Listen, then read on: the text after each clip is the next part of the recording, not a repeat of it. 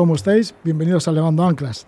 Este es el último programa que editamos y lanzamos al aire a través de la sintonía de Radio Euskadi. Han sido casi 39 años de programación los domingos y festivos. Desde entonces pues han sido miles los invitados y los programas que hemos hecho.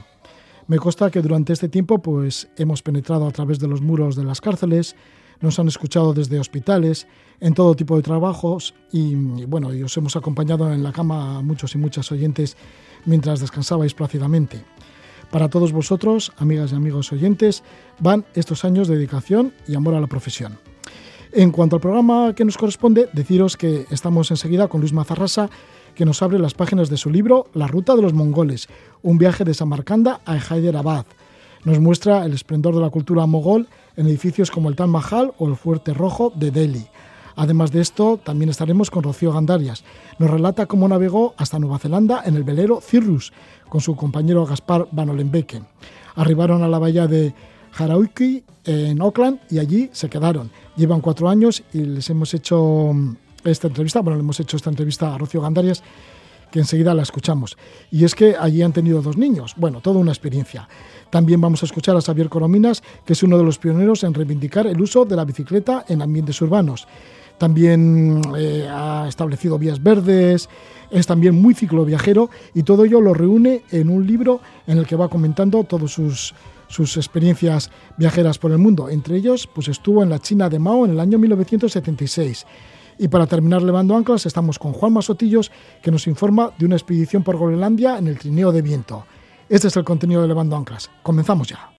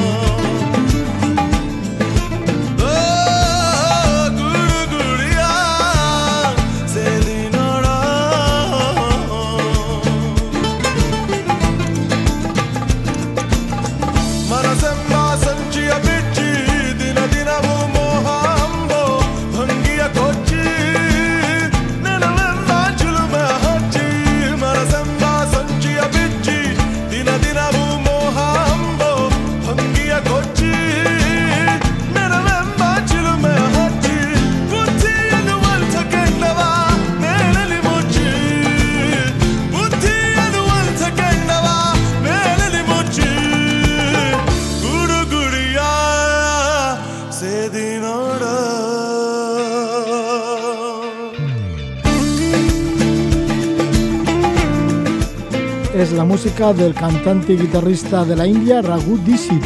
Y es que nos vamos a acercar a la India, pero también a bastante más, porque vamos a ir por la ruta de los mogoles. Este es el libro de Luis Mazarrasa. Luis Mazarrasa nos va a explicar el periodo de apogeo del imperio mogol. En el momento de su mayor esplendor abarcó territorios que en la actualidad corresponden a India, Pakistán y Bangladesh, pero que llegó también a poseer zonas de Afganistán, Nepal, Bután y el este de Irán. Dejaron monumentos y edificios majestuosos, convirtiendo a la India en uno de los territorios más ricos de su época. Luis Mazarrasa lo cuenta en este libro, La ruta de los mogoles, un viaje de Samarcanda a Hyderabad. Hyderabad, que se encuentra en el sur de la India. Hay que decir que Luis Mazarrasa Movikel nació en Santander en el año 1958. Es periodista, escritor, le hemos hecho varias entrevistas en este programa, Levando Anclas, sobre otros libros que ha hecho de narrativa viajera, por ejemplo, Viajero al Curry, sobre la India, también del Nepal al iPhone, Viajes por Indochina, también entrevistamos con ese tema. También ha sacado una novela histórica con el título de Humayun, Emperador de la India. Ha publicado más de 50 guías azules, Pero bueno, ahora nos va a presentar la ruta de los mogoles. Le damos la bienvenida a Luis Mazarrasa. Buenas noches, Luis. Hola, eh, buenas noches, Roger. Buenas noches a todos. Luis, pues que los últimos años estás cautivado, ¿no? Por, por los mogoles, por la historia que dejaron, los edificios, las costumbres, las tradiciones. ¿Por qué te ha cautivado tanto el imperio mogol y por qué lo has seguido y por qué has caminado por esta ruta de los mogoles? Bueno, eh, la historia de, los mogoles mm, em, desde que conquistan el norte y centro de la India en las primeras décadas del siglo XVI y luego se mantienen en el poder hasta mediados del siglo XIX cuando los ingleses les derrocan definitivamente.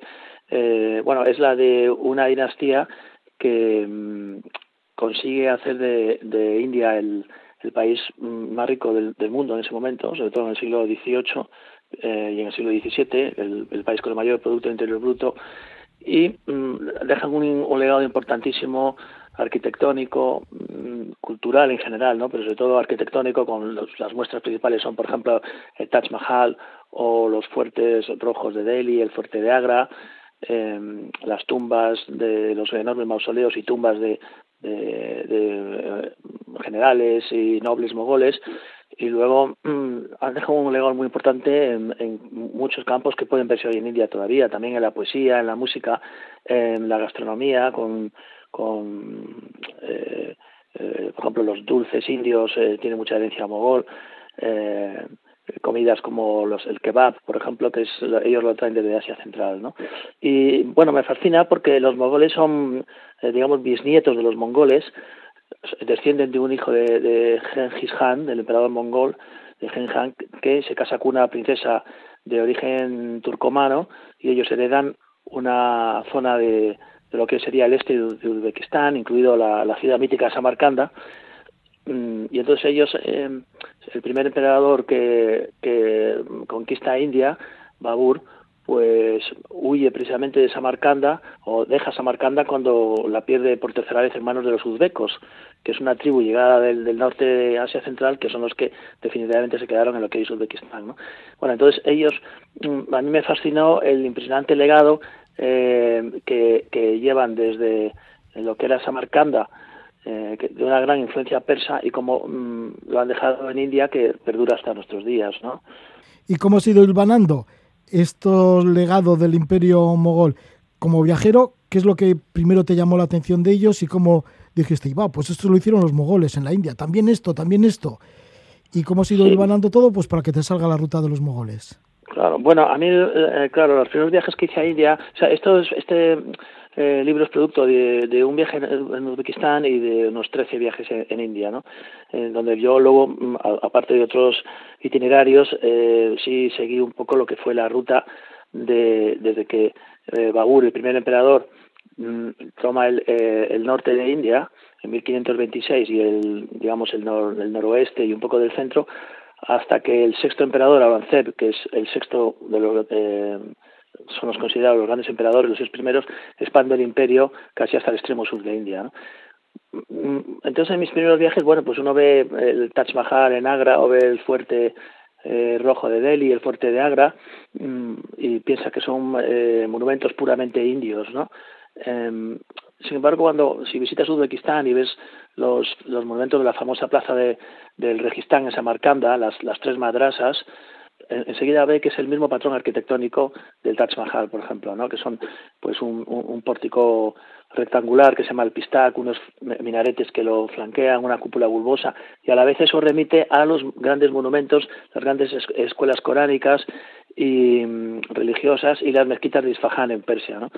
Entonces, bueno, pues ahí fue hilando y me fue interesando cómo una, una dinastía mm, eh, que llega desde Asia Central eh, aporta un legado cultural tan, tan grande de, en diversos campos eh, que es de origen persa y cómo se fusiona con, con eh, el, arte o la idiosincrasia autóctona de la India, ¿no? Eh, y crean mm, una serie de, de, de, monumentos, de movimientos musicales, de poesía, que ya no es puramente persa, sino que se fusiona, claro, con una cultura tan fuerte como la India. Sí, y así en este libro, en este libro, La ruta de los mogoles, pues es un libro de historia de este imperio mogol y lo que dejaron, la huella que han dejado en India y también en Uzbekistán, porque es un viaje desde Samarcanda a Hyderabad, al sur de la India. Y vas comentando también tu propio viaje por Samarcanda, que dices que viajero no quiere ir a Samarcanda ya solo por el nombre que llama y que atrae. Y luego, bueno, pues te acercas también a Bujara, que fue el centro espiritual islámico más importante del Asia Central. Bueno, hoy sigue siéndolo todavía. Y luego también te desvías en tu camino y te vas a Termiz, que es una urbe antiquísima, solo 10 kilómetros de la frontera con Afganistán. Y cuentas un poco las historias y las vivencias que has tenido. ¿Qué podías comentar, mm, por ejemplo, de Bujara? Bujara eh, fue después de Samarcanda la ciudad más importante de la ruta de la seda en, Asia Central, ¿no? justo en lo que hoy es eh, bueno, el territorio del actual Uzbekistán. ¿no?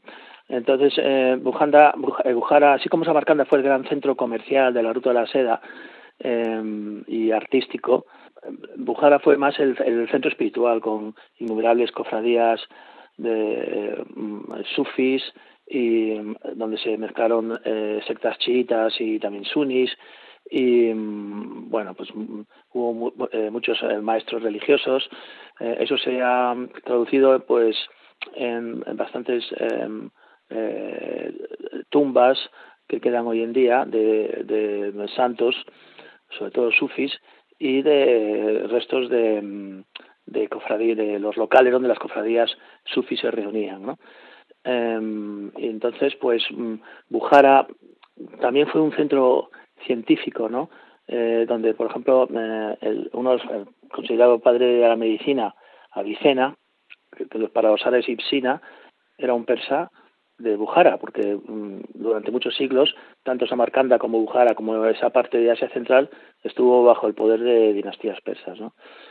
Entonces, pues cualquier viajero que vaya a Uzbekistán, el 99% va a visitar Samarcanda, eh, Bujara y sobre todo, ¿no? Eh, alguna ciudad más que está en el, en el este del país, ¿no? Sí, que es Jiva, ¿no? Otra ciudad importante. Jiva, sí, Jiva. Que Jiva no tiene, Jiva no la he incluido yo en, en mi relato porque no, no es una ciudad que los que dominasen los mogoles o que ha quedado, al menos hoy, eh, apenas restos de, de una influencia mm, de, de cuando los mogoles estaban en Uzbekistán antes de partir hacia India. ¿no? Sí, no fuiste a Jiva, pero sí que fuiste hacia Termiz. ¿Qué es lo que encontraste en Termiz? Cerca ya de Afganistán. Sí, Termiz fui, mm, es una ciudad muy antigua, como tú dices, que eh, en los alrededores hay, mm, hay unos restos de mausoleos muy interesantes y también algunas em, eh, ruinas casi ya de casi de tiempos prehistóricos también, ¿no? Em, también tenía para mí el interés mm, de, eh, de contemplar el, el, puente que se llama Puente de, la Amistad, pero es el puente, el puente donde las tropas soviéticas invadieron Afganistán en el año 80, ¿no? Porque Uzbekistán entonces era una república soviética y, y fue a través de Termiz donde se produjo la invasión, ¿no? Eh, Termiz es el lugar donde, donde debes embarcarte en una masgrukta, que son las furgonetas colectivas de transporte colectivo, de transporte público, que mm, penetran en, hacia Mazar y Sarir, ¿no? que es una de las rutas mm, menos inseguras que podría haber en, en Afganistán, ¿no? famosa por una gran mezquita eh, recubierta de, de azulejos eh, y de lapislázuli de piedras muy bonita. ¿no? y bueno eh, es, es, un lugar digamos que dentro de Uzbekistán bastante remoto no sobre todo por estar eh, en un lugar fronterizo eh, y en una una frontera que se cierra frecuentemente pues cuando hay movimientos a lo mejor de grupos talibanes o cuando ha habido algún atentado terrorista eh, es una o sea, es un, un, lugar que se queda muchas veces eh, atascado, bloqueado, porque si has salido de Uzbekistán hacia Afganistán y quieres volverte, pues encontrar con que la frontera se ha cerrado. Bueno, ahí está ese famoso puente de la amistad que une las dos fronteras, ¿no? En la ciudad de Termiz, en, Uzbekistán, con Afganistán. Y en tu recorrido también por la India empleas bastante los trenes, que ya tiene que ser todo el mundo ir en tren. Y entre otras, pues uno de los primeros trenes que coges mm, a la hora de relatar este libro por la ruta de los mogoles, es el que te lleva de Delhi, bueno, que por cierto luego nos paramos un poquito en Delhi, que tiene mucho que ver con el imperio mogol, y bueno, y te lleva hacia Gavilior, que es un lugar también que hay un montón de palacios de, del imperio mogol, ¿no? Pero te pasan un montón de cosas en esas cinco horas que vas dirección de, de Delhi a Gabalior, porque el compartimiento que coges del tren es de segunda, pero parece que enseguida se llena, pero se llena más de, lo normal y estáis todos ahí apretujados y pasan cosas de lo más curioso. Sí, bueno, todos los viajeros que han, que han eh, hecho algún recorrido en, un tren indio, pues saben que, que es un, todo un mundo, ¿no? Hay no sé cuántos millones de, 10 millones o 15 millones de, indios eh, toman el tren cada día en el subcontinente y, bueno, pues eh, es la vida misma lo que ocurre en el tren, ¿no? Con la gente que eh, llevan sus todas sus comidas preparadas, pero no llevan un bocata como podemos llevar aquí en Europa, ¿no? Sino que llevan todas las eh, los recipientes de, latón o de aluminio con diferentes, como si fuesen pisos dentro de, del recipiente donde iban los curries, la salsa, el, pollo o las verduras, si son vegetarianos, los chapatis, hasta la servilleta, bueno, una cosa increíble, ¿no? Eh, las comidas que se organizan ahí en un vagón todo apretujados, también pues los vendedores de té, los mm, eh, mendigos que entran eh, pidiendo limosna, los músicos, bueno, las conversaciones que se organizan ¿no? en, el vagón, en un viaje largo. cualquiera que ha viajado en un tren en la India, pues va a ser cuenta que es muy, muy interesante, ¿no? Sí, además dices que el tiempo, las horas discurren volando, ¿no? Por todo lo que pasa en el vagón. Sí, efectivamente, porque sobre todo si eres un extranjero, un pardesi, como dicen ellos, bueno, pues todos quieren preguntarte, todos em, eh, se interesan, si sacas un libro enseguida lo quieren eh, lo cogen la gente del vagón para ojearlo eh, y luego pues ellos son muy curiosos, ¿no? Entonces te preguntan todo, ¿no? Tu estado civil, eh, tu profesión, hasta cuánto dinero ganas, por qué no tienes hijos, cuál es tu religión. Eh, o sea, es una, experiencia muy, muy, interesante, ¿no? Un viaje en tren por la India. Y una vez que llegas a Gabalior, a la estación de Gabalior, ¿qué es lo que vas buscando? ¿Los palacios también que dejaron los mogoles? Sí, bueno, Gwalior, el, palacio, el, el, fuerte de Gwalior es la fortaleza más, más, más grande y mejor conservada del, centro y norte de India. Es, fue construido bastante antes de que, los mogoles eh, lo tomasen en el siglo XVI. El fuerte lo toma eh, Babur a los pocos eh, meses de llegar, él conquista el norte de India en 1526 y a los pocos meses eh, se apodera del fuerte de, de siempre se quedó ya como un bastión importante para, para los mogoles y para cualquiera que tomase ocasionalmente el poder durante los siglos eh, siguientes. ¿no? En, el fuerte de Gwalior aparece por primera vez en la historia, que no en la leyenda, porque en la leyenda es, um, anterior, pero aparece por primera vez el famoso diamante Kohinoor, montaña de luz, el diamante eh, el más famoso, ¿no? Por su historia, porque eh, y por su valor. Un diamante que después de haber dado muchas vueltas a lo largo de los siglos, acabó saqueado por los británicos, eh, robado por los, británicos y hoy, hoy día está engarzado en la corona de la reina de Inglaterra y se puede ver en tallado, mucho más reducido de tamaño, se puede ver en las, en las joyas que se guardan de la corona en la Torre de Londres. Este diamante aparece en, en cuando la Maharani, la viuda del, del Rajá de Walior, que, que, pierde la vida en la batalla contra los mogoles, eh, se lo regala a Babur, al, emperador, al primer emperador mogol, como agradecimiento de que, a pesar de que es la viuda de su enemigo, pues ha sido tratada como, como muy caballerescamente, le han permitido seguir viviendo en el, en el castillo sin que nadie la, le produzca ningún ocasión ningún daño. Y ahí en Gwalior que lo cuento yo en el libro aparece por primera vez en la historia el, el Kohinoor que es el diamante más famoso de, por su leyenda y por su historia, ¿no?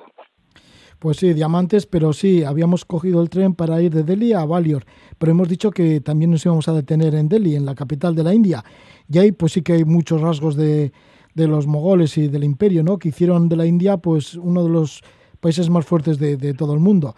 Y ahí está, entre otros, el Fuerte Rojo, construido por el emperador mogol Shah Jahan, el mismo que hizo además el Tal Mahal en Agra.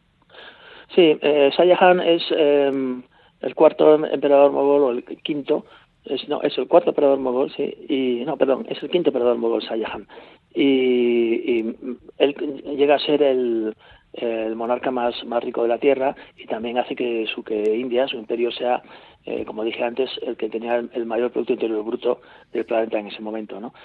Mm, bueno, lo más famoso que se sabe, lo más conocido es cuando encarga a los arquitectos, eh, se dice que hubo arquitectos italianos y orfebres y artesanos, eh, bueno, constructores, hacer el, mausoleo más bello del mundo, ¿no? Que es el Taj Mahal, que lo hace mm, para recordar siempre a, su esposa tan amada, Mumtaz Mahal, que muere cuando da a luz a uno de sus numerosos hijos, ¿no? El Shah que estaba tan enamorado de Mumtaz Mahal, pues quiere construir el mausoleo más bello que haya podido existir para que para su recuerdo, ¿no? Entonces, eh, bueno, aparte de del Taj Mahal, Shah también construye o engrandece el fuerte, lo que hizo el Fuerte Rojo de Agra y también hace muchas obras civiles y hace una, una de las muchas delis que ha habido que se llamaba Sayahanabad. También es el, que mandó construir la, la Yama Masjid, la, mezquita más grande de, de, de Delhi y la más famosa. Bueno, entonces yo lo que hago en este libro es que cuando llego a una ciudad como Agra, eh, cuento la historia, el mito, la leyenda, por qué se hizo el Taj Mahal, qué ocurrió en el fuerte, todo lo que ocurrió, los hechos importantes, y luego cuento cómo es Agra hoy, qué es lo que veo, qué pasa en Agra hoy, qué se come, cómo se viaja, dónde se duerme, eh, etcétera, ¿no? Bueno, eso es lo que voy haciendo en, en, todos los lugares que voy siguiendo la, ruta donde los mogoles han dejado algo, ¿no? O donde sucedió una batalla importante, donde ha quedado un monumento o, donde hubo hechos trascendentales. Contar un poco la historia, la leyenda, el mito y también cómo es esa ciudad hoy, ¿no? cómo es esa, ciudad o ese pueblo hoy. Sí, y así nace este libro, La ruta de los mogoles, un viaje de Samarcanda y Hyderabad, y estamos con su autor, con Luis Mazarrasa Moviquel, que el libro lo edita Almuzara dentro de la colección, de la colección Sotavento. Muchas gracias Luis Mazarrasa por estar con nosotros y que vaya todo muy bien con este libro, La Ruta de los Mogoles. Pues muchas gracias a vosotros, Roger.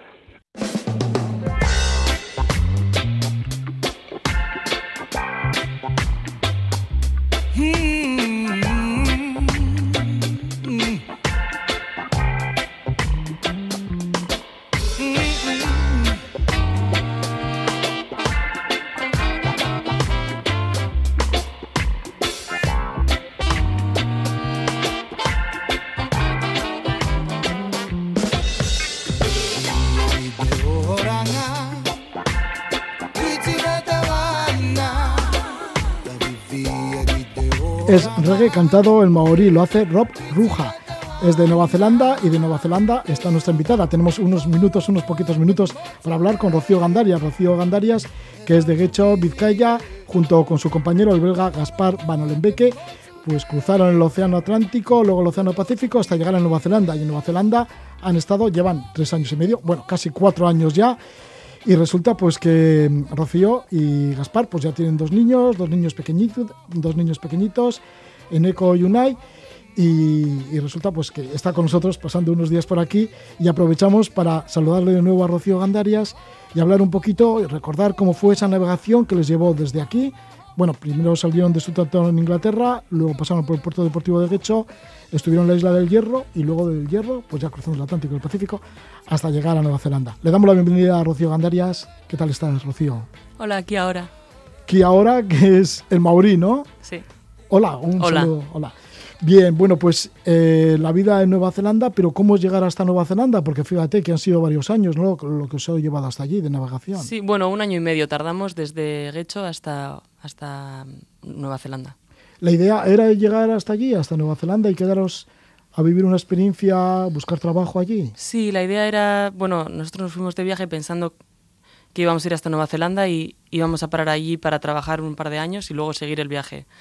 De momento seguimos allí. Sí, justamente además terminasteis la carrera de arquitectos navales, Gaspar y tú, y ya con el velero Cirrus, os comprasteis el velero Cirrus con los ahorros que teníais, con el trabajo y demás, y ya pues en esa travesía por el Atlántico y el Pacífico y por las entrevistas que os íbamos haciendo en el camino parece ser que todo iba muy bien, ¿no? Que no hubo muchos sí, La verdad es que no, no tuvimos muchos contratiempos. Eh, el barco es bastante pequeño y creo que gracias a eso también dicen barco pequeño, problema pequeño y yo estoy 100% de acuerdo con eso. ¿Y por qué es? ¿Porque conocíais muy bien el barco, ya que sois arquitectos navales? Sí. ¿Porque sois buenos marineros? Creo que nos hicimos buenos marineros uh, durante el viaje. eh, por otro lado, ser arquitectos navales ayuda, me imagino, y conocer el barco, bueno, lo preparamos, lo, lo vaciamos entero, lo preparamos aquí en Guecho con la ayuda de mi padre también, porque bueno, él se dedica a eso y nos ayudó bastante. Y luego, Gonzalo Gandarias. Gonzalo. Y luego durante el viaje, pues poco a poco cada vez íbamos aprendiendo más y la verdad es que al final ya no teníamos ni que hablar cuando hacíamos una maniobra. ¿Cómo fue la travesía del Atlántico, el primer océano que pasasteis, que lo hicisteis en 19 días, sí. desde el Hierro en Canarias hasta la isla de María Galante en las Antillas Francesas? Sí, muy bien. Para esa travesía vinieron dos amigos, éramos cuatro en el barco y tuvimos bastante viento. Eh, creo que teníamos 25 nudos casi todos los días, pero de popas y con los alisios, así que fuimos muy rápido. Y bien, bien, acostumbrándonos al barco y la verdad fue muy bien todo. Sí, llegasteis allí a las Antillas Francesas, pero luego estuvisteis por Colombia, en Cartagena de Indias, en Cunayala, en Panamá, Sí. que dicen que es un paraíso. Sí, Cunayala es impresionante, son 365 islas y también un poquito del continente también pertenece a Cunayala y es, es un precioso paisaje y luego es muy interesante porque la gente que vive allí todavía vive siguiendo sus tradiciones de hace años. Sí, de Cunayala, pues ya pasasteis el canal de Panamá y en abril de 2018 partisteis a cruzar el Océano Pacífico. Claro, el Pacífico es el mayor de los océanos. Mm, ¿Se queda pequeño con el Atlántico o no? Eh, la verdad es que tuvimos, ahí éramos solo Gaspar y yo en la travesía del Pacífico y tuvimos muy buena travesía. Tardamos 30 días desde Ciudad de Panamá hasta la isla de Nukuhiva. En las Marquesas. En las Marquesas, que pertenece a Polinesia Francesa. Y sí, estuvimos. eh, que- o sea, cuando llegamos nos hizo ilusión llegar, pero por otro lado también podíamos haber seguido navegando. Tuvimos tan buena travesía que no nos importaba pisar tierra, la verdad. Así, que os daban tantas ganas de seguir después de 30 Sí. días sin ver tierra. Parece mentira, pero sí. A ver, llegamos allí y nos impresionó, pero por otro lado no nos hubiera importado tardar un poco más. Además, en esta travesía hacia las Marquesas, chocasteis con una ballena. Sí, chocamos con una ballena. Sí, sí, justo iba yo llevando el timón con el espi, vamos bastante rápido y de repente, bum, bum, bum, bum, bum. Digo, guau, ¿qué ha sido eso? Sale Gaspar de abajo. ¿Qué, qué ha pasado? Y yo, y de repente por detrás vemos una, una ballena nadando, yéndose. Pero bueno, no creo, creo que no le hicimos daño y el barco tampoco. Ya, ¿puede ser que un choque con una ballena pueda hundir el barco así o no? Eh, yo creo que ¿corre sí, puede, puede ser si vas igual un poco más rápido. Nuestro barco es de aluminio, es bastante fuerte y luego por otro lado vamos rápido para nosotros, que son seis o siete nudos, en realidad no es tan rápido. Eh, hay barcos que van más rápido, a lo mejor sí les puede hacer daño. Igual un barco, no sé, un barco de fibra si se da un poco fuerte o depende de dónde le des, si le da el timón. Pero sí. Y de estas islas del Pacífico, porque estuvisteis por las Tuamotu, por Tahití, por las Islas de la Sociedad, por Tonga, ¿cuál es la que más te gustó?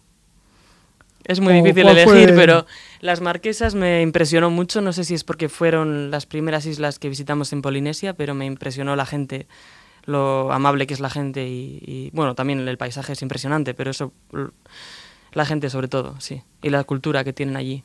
El 14 de noviembre pues alcanzasteis tierra en Nueva Zelanda después de ese año y medio de travesía, desde que partisteis en mayo de 2017.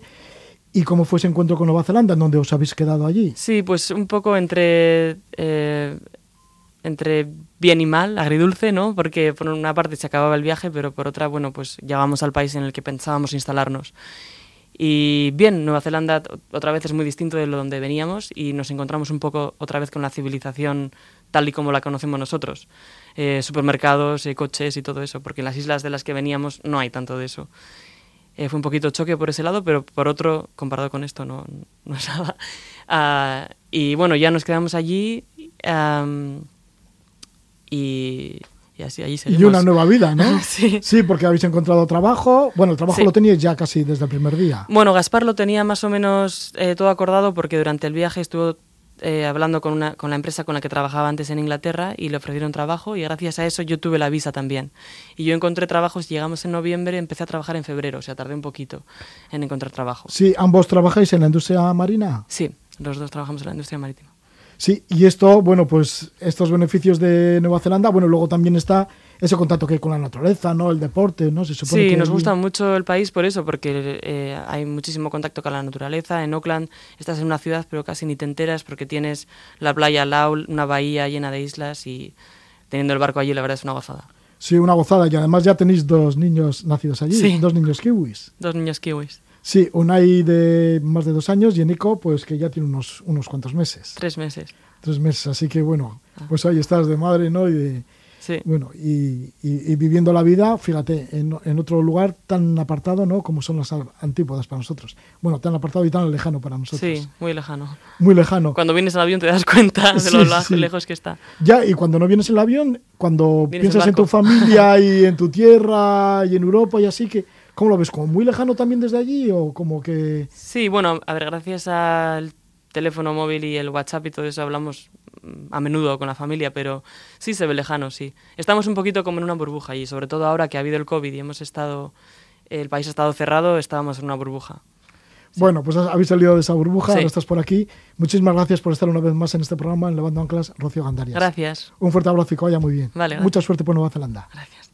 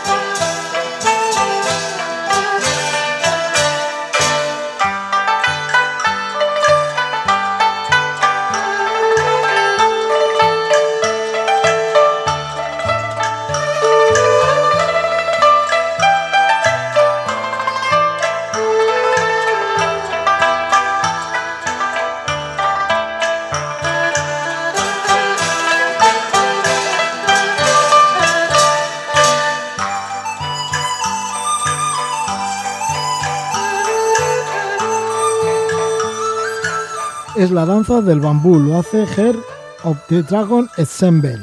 Vamos a acercarnos a la China, pero a la China de Mao Zedong. Allá fue en el año 1976 nuestro invitado, Xavier Corominas. Xavier Corominas, que nació en Salt, en Girona, en el año 1951, localidad en donde fue alcalde e impulsó el uso de la bicicleta. Fue tal así que propuso la ruta del Carrilet y del Consorcio de las Vías Verdes de Girona. Dirigió los cuatro primeros congresos de la bicicleta e impulsó la creación de la red de ciudades por la bicicleta. Así que Francés Xavier Corominas ha sido todo un impulsor de la bicicleta y uno de los pioneros en las vías verdes. Diremos que tiene publicado tres libros, una trilogía sobre sus viajes en bicicleta. En uno de ellos lleva el título de Cuaderno de viaje y cuenta el viaje que realizó desde Cataluña hasta Japón. Esto fue en el año 2014 y lo hizo durante cinco meses. En el 2017 se desplazó de Nueva Zelanda, se desplazó por Nueva Zelanda, Australia y Bali y lo hizo con una compañera, con Idoya, que la conoció en Zarauz y de ahí nace el libro del amor y otros viajes. Y más recientemente, y así cierra esta trilogía, tiene el libro Los viajes de mi vida, en el cual pues comenta este viaje a China, en la China de Mao Zedong en el año 1976, pero también comenta sus últimos periplos en bicicleta por Cuba, por Colombia.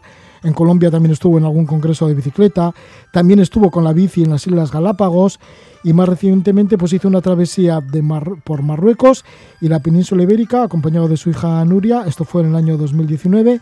De todo esto nos habla Xavier Corominas. Xavi, bienvenido, Gabón, muy buenas noches. Hola, buenas noches a ti y a todos los eh, radioyentes y radioyentas. Xavi, pues, pues sí, que muchos viajes, ¿no? Desde tantos años. Y es que, ¿cuál ha sido tu vinculación con la bicicleta? ¿Es desde muy pequeño? Sí, bueno, aquello que las primeras imágenes que tienes son que mi, no sé cuántos años, dos, tres, mi hermano me arrastra por un triciclo por una cuestecilla que teníamos en el pueblo y de ahí y de ahí pues a empezar a trabajar a los 14 años en Girona y haciendo cada día 20 kilómetros para ir a, a trabajar y, y luego ya mm, también llega el momento de la bicicleta como de deporte y luego con el invento de, del mountain bike pues llega también el mountain bike y uno después va pedaleando con grupos, haciendo otra vez las montañas que habíamos subido de pequeños con los scouts y a partir de ahí pues ya viene la preregulación, aparte de trabajar mucho tiempo a favor de- del desarrollo de, del uso de la bicicleta en el país y, y dice, bueno, tanto hablar de bicicleta eh, tantos años, pues ahora me toca a mí sí pedalear, ¿no? Y entonces ahí vienen los viajes. Xavier, ¿y por qué esa difusión, tanto empeño que has tenido por la difusión de la bicicleta? Porque No, ya hemos bueno. dicho que, que estuviste en los cuatro primeros, eh, dirigiste los cuatro primeros congresos de la bicicleta en el Estado español. Sí, bueno, eh, a ver, eh, yo creo que, que la bici es un invento revolucionario y en cierta manera en esta pandemia lo hemos visto. Si algo ha crecido en el uso de, de los ciudadanos, ha sido la bicicleta en todos los aspectos. Eh, los negocios de bicicleta, gracias, no, no, no se han caído, al revés, sino que han aumentado. Es una lástima que se dejaran de fabricar bicicletas en el país, porque también ha sido un problema esto que las tiendas han quedado vacías. Pero esto me viene ya pues de lejos, ya lo tengo como incrustado en, en, en, mi, en, mis, en mis genes. Así que eso, después de impulsar tantos, tanto la bicicleta, decidiste hacer tus propios viajes y ahí nace ese trayecto, pero fíjate qué largo, ¿no? De Cataluña hasta Japón. Bueno, hay un poco de trampa aquí porque, claro, eh, Siberia, eh, lo, pensé por Siberia porque también tenía ganas de conocer el transiberiano, estar en, el, en, el, en la zona de Siberia, en el Baikal, y esto lo hice con el tren, con el transiberiano, pero parando en cinco ciudades, con lo cual me pasé casi un mes. Y desde aquí digo ya, un, si alguien quiere hacer el transiberiano, que no lo haga de, un solo recorrido, porque se puede volver un poco loco, que son seis días y seis noches dentro de un tren. Entonces es mejor ir, parando en las ciudades y ir visitando y visitando las ciudades y las zonas que, que, los, que, están alrededor, que son muy, muy interesantes. ¿Qué te pareció Siberia entonces? Bueno, Siberia, pues mira, eh, te parece una cosa que eh, te levantas en el tren por la, por la mañana y parece que es el mismo paisaje que dejaste ayer. Y a lo mejor has hecho 500 kilómetros o 800, ¿no? O sea que es, es, un, es un seguido de, de bosque, de tundra, de verde. En el momento que pasé yo, que era, que era diríamos, verano, pues estaban en los pequeños huertecillos que había algunas casitas, pues estaban recogiendo las papas, ¿no? Las patatas. Pero pero un poco como un poco muy seguido, un lugar un lugar para no perderse diría yo de momento. Ahora conocerla algunos lugares sí que vale la pena como por ejemplo el, Baikal, que sabéis es el lago que tiene la reserva de agua dulce más grande del mundo y 1662 kilómetros de metros quiero decir de profundidad que es tremendo, ¿no? Uh, y 600 kilómetros de, de largo en plena Siberia. Esto es tu segundo libro y ahora el tercero, ¿no? Que es la trilogía de tus viajes por el mundo, la mayoría de ellos en bicicleta. Y este lleva el título de Los viajes de mi vida, bueno, traducido al castellano el título, ¿no? Porque está en catalán. Sí, este es, es, es un, una especie de, de, primero mis viajes así, no sé, también también mi, mi primer viaje en solitario eh, en el año en el año 60 68, y... no, 69 cuando tenías 18 años.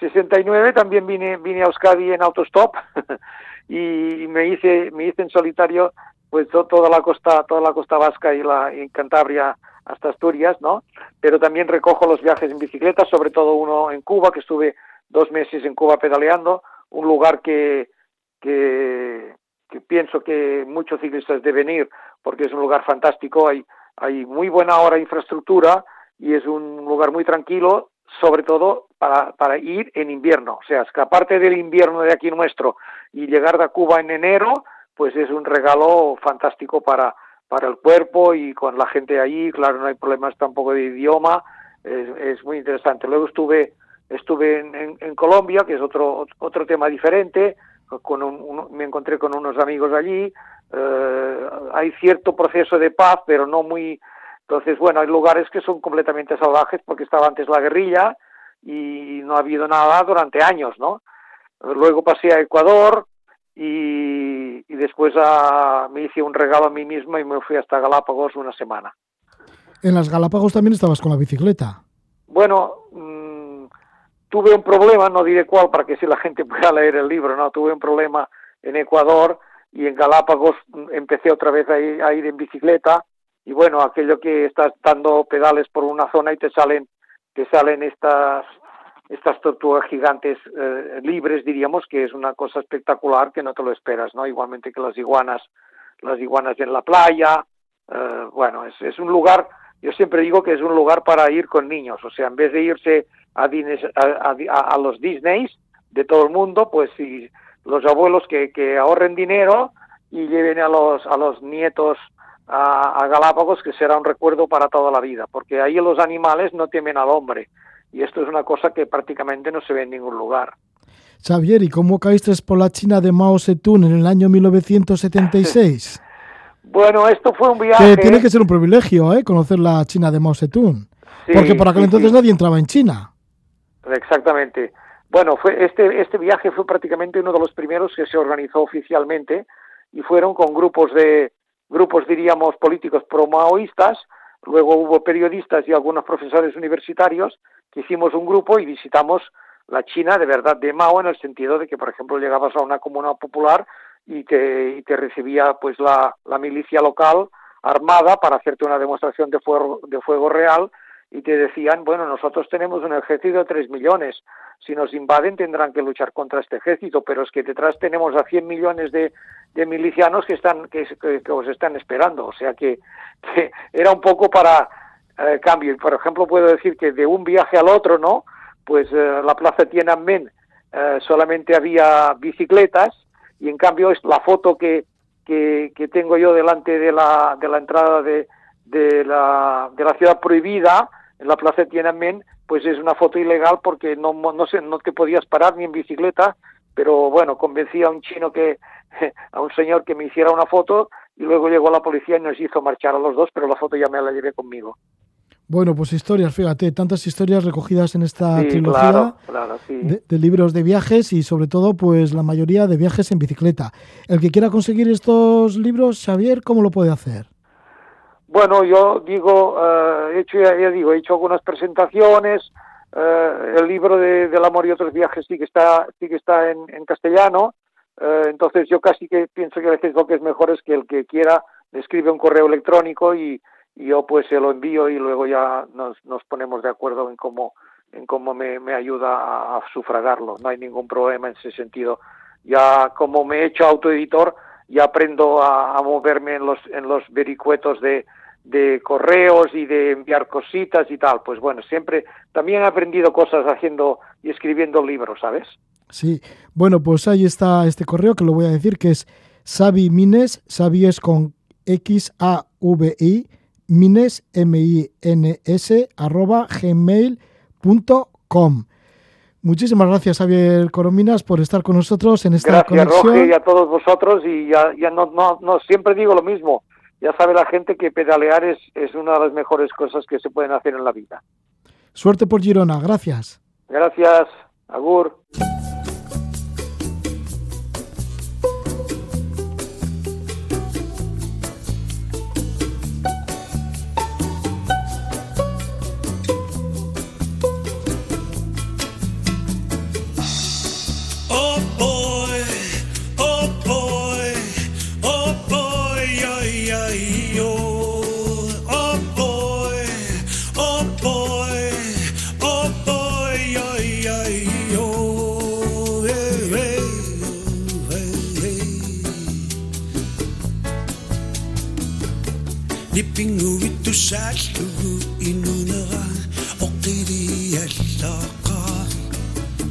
Es el cantautor de Groenlandia, Rasmus Oli Libert. Y hacia allí nos vamos, hacia Groenlandia. Juan Manuel Sotillos ha participado en una de las principales expediciones que ha habido en el año 2022 por Groenlandia. La expedición se ha llamado en concreto Expedición SOS Ártico 2022 Juan Manuel Sotillos, que es colaborador de Montaña, Viajes y Aventuras en el Diario Vasco desde el año 1979 y durante 10 semanas nos estuvo enviando crónicas a todos los lectores de cómo fue el movimiento del trineo de viento o el trineo de viento diseñado por Ramón Larramendi por Groenlandia, que cruzaron Groenlandia de oeste a este. Y además, entre otros descubrimientos, pues se encontraron con una montaña de roca, bueno, una montaña que sobresalía como unos 30 metros del hielo y es el descubrimiento de toda una montaña, una montaña que no costaba anteriormente en los mapas. Le damos la bienvenida a Juan Manuel Sotillos. Gabón, buenas noches, Juan Manuel. Gabón, Roge, buenas noches. Bueno, pues excelente ha sido esta expedición SOS Ártico 2022 en la que has participado, que además se llama así también, SOS Ártico 2022, cero emisiones, porque vais con el trineo de viento que es totalmente ecológico. Sí, es un trineo de viento diseñado y eh, inventado por Ramón Larramendi y estirado por cometas, por eso se llama trineo de viento. Entonces es un artilugio todo de madera y que lleva los lo que lo une entre sí todo el trineo son solo cordinos, pequeñas cuerdas, eh, mosquetones y gomas. Y no tiene nada más. Y el, secreto es la adaptabilidad al terreno que tiene. Y está basado en la técnica más ancestral inuit. Ramón Larramendi, que ya ha protagonizado 11 expediciones en el hielo, dos de ellas en la Antártida, nueve en Groenlandia. ¿Cómo fue el resultado de esta expedición? ¿Cómo nos podía resumir? Porque participasteis seis tripulantes, entre ellos había alpinistas, eh, tú ibas también como periodista y también había científicos. Sí, bueno, eh, era un proyecto, una expedición científica que se han extraído eh, muestras de microorganismos extraídos del aire y también muestras de hielo se han traído para aquí para que se investiguen. Pero esa es la parte de la ciencia.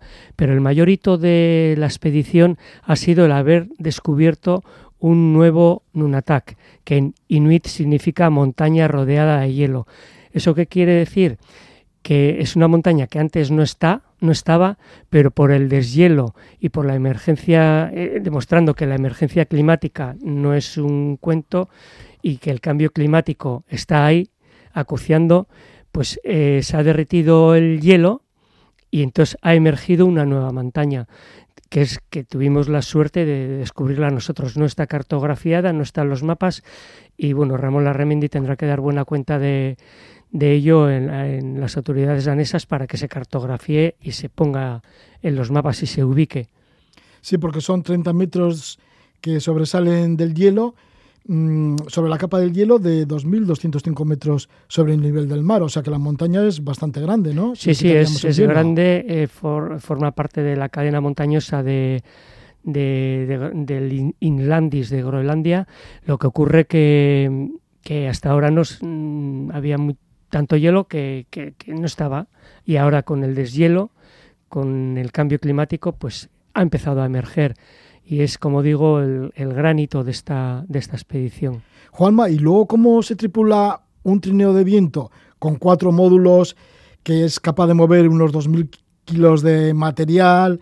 que, bueno, mm, en los módulos, pues primero es una locomotora, dos módulos después de carga, otro de habitabilidad. ¿Cómo lo hacéis? ¿Cómo se arranca? ¿Cómo arranca? ¿Cómo se pone la cometa ya impulsada por el viento? ¿Arrancáis y vais con ella? Sí, bueno, pues se tiran unas líneas de 200, unas líneas que son unas, en definitiva, unas cuerdas eh, que van desde la locomotora a 250 metros más allá. Eh, se levanta la cometa que Ramón en ese momento ha decidido en función de la fuerza del viento, pues que sea de 60 metros cuadrados, de 100, de 125 o incluso de 30, de 17, en fin. En función de la fuerza del viento, Ramón dice, vamos a ponerla de 60 metros cuadrados. Entonces, vamos gente allí, uno, dos o incluso tres, levantamos la cometa y el piloto, en este caso Ramón, pues tira de, esa cometa y ya empieza a navegar el trineo de viento. Parece magia, pero es que es que es así. O sea, es. Y luego la, adaptabilidad del, trineo de viento al al terreno es algo que a mí me fascina. Porque es, es increíble cómo, cómo, se, cómo navega el trineo de viento por la superficie helada del casquete polar. Groenlandia te sigue, ya has dicho que te ha fascinado moverte por el trineo de viento, pero también Groenlandia es un país fascinante. Sí, a todos los niveles. Eh, te tiene que gustar y tienes que sentir que te pueda gustar o, puedas aguantar el frío, ¿no? Pero es un país fascinante. De hecho, bueno, eh, Ramón Larramendi tiene una empresa que se llama Tierras Polares que lleva muchísima gente allí y se puede andar en bici, andar por el hielo con crampones, eh, subir alguna montaña, hacer kayak por, la, por los fiordos de la costa de Groenlandia. Es, es una delicia el país. Ramón Arramendi, que vive parte del año allí, en Groenlandia. Bueno, vive ahora en los el, julio y agosto está allí, pero él ya está afincado y está empadronado incluso desde hace dos años en Reykjavik, en Islandia. Ah, vale, vale, sí, entre Islandia y Groenlandia y bueno, y luego Madrid, ¿no? sí, bueno, a Madrid viene pues para hacer algún trámite o, o, para dar alguna conferencia dentro de poco le veremos por aquí dando alguna conferencia precisamente de esta expedición que ha quedado grabado en imágenes todo y queremos hacer una película. Bueno, pues que veamos esa película. Muchísimas gracias por estar con nosotros, Juan Manuel Sotillos, colaborador de Montaña Viajes y Aventuras en el Diario Vasco desde hace ya muchísimo tiempo, desde el año 1979. Te hemos hecho multitud de entrevistas también aquí en este programa en Levando Anclas. Y una vez más te agradecemos por habernos hablado de esta expedición.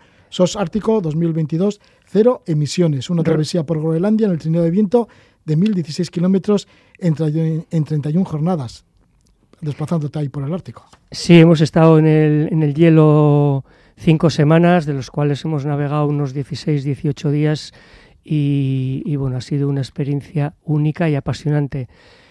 Roge, te quería felicitar también a ti.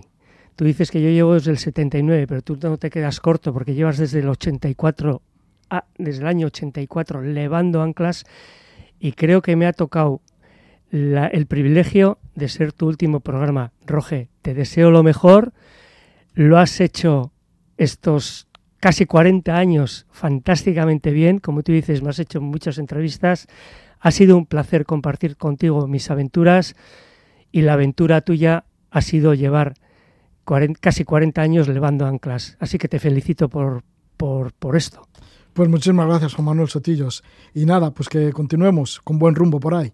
buen rumbo bien, también para, ti. Y para todos los oyentes, por supuesto. Muchísimas gracias, Juan Manuel Sotillos. Vale, gracias a ti, Roge.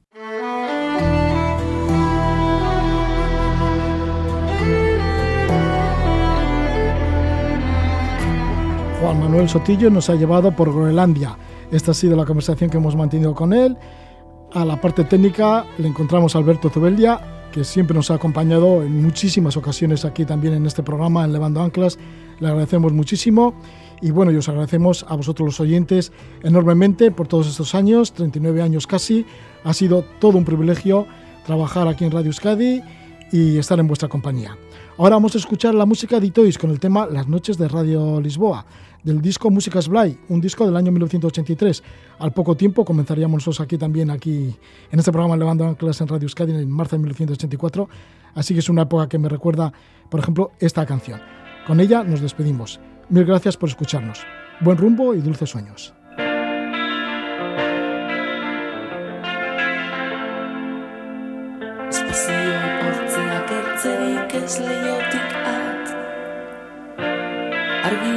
Bustitzen du nire ontzia Argitate ezean igan oroimen oro Iragana bi urtzen da galdena Galdena Lurraren azala Jime elbizten Arrizko uginak Plastikozko mendeo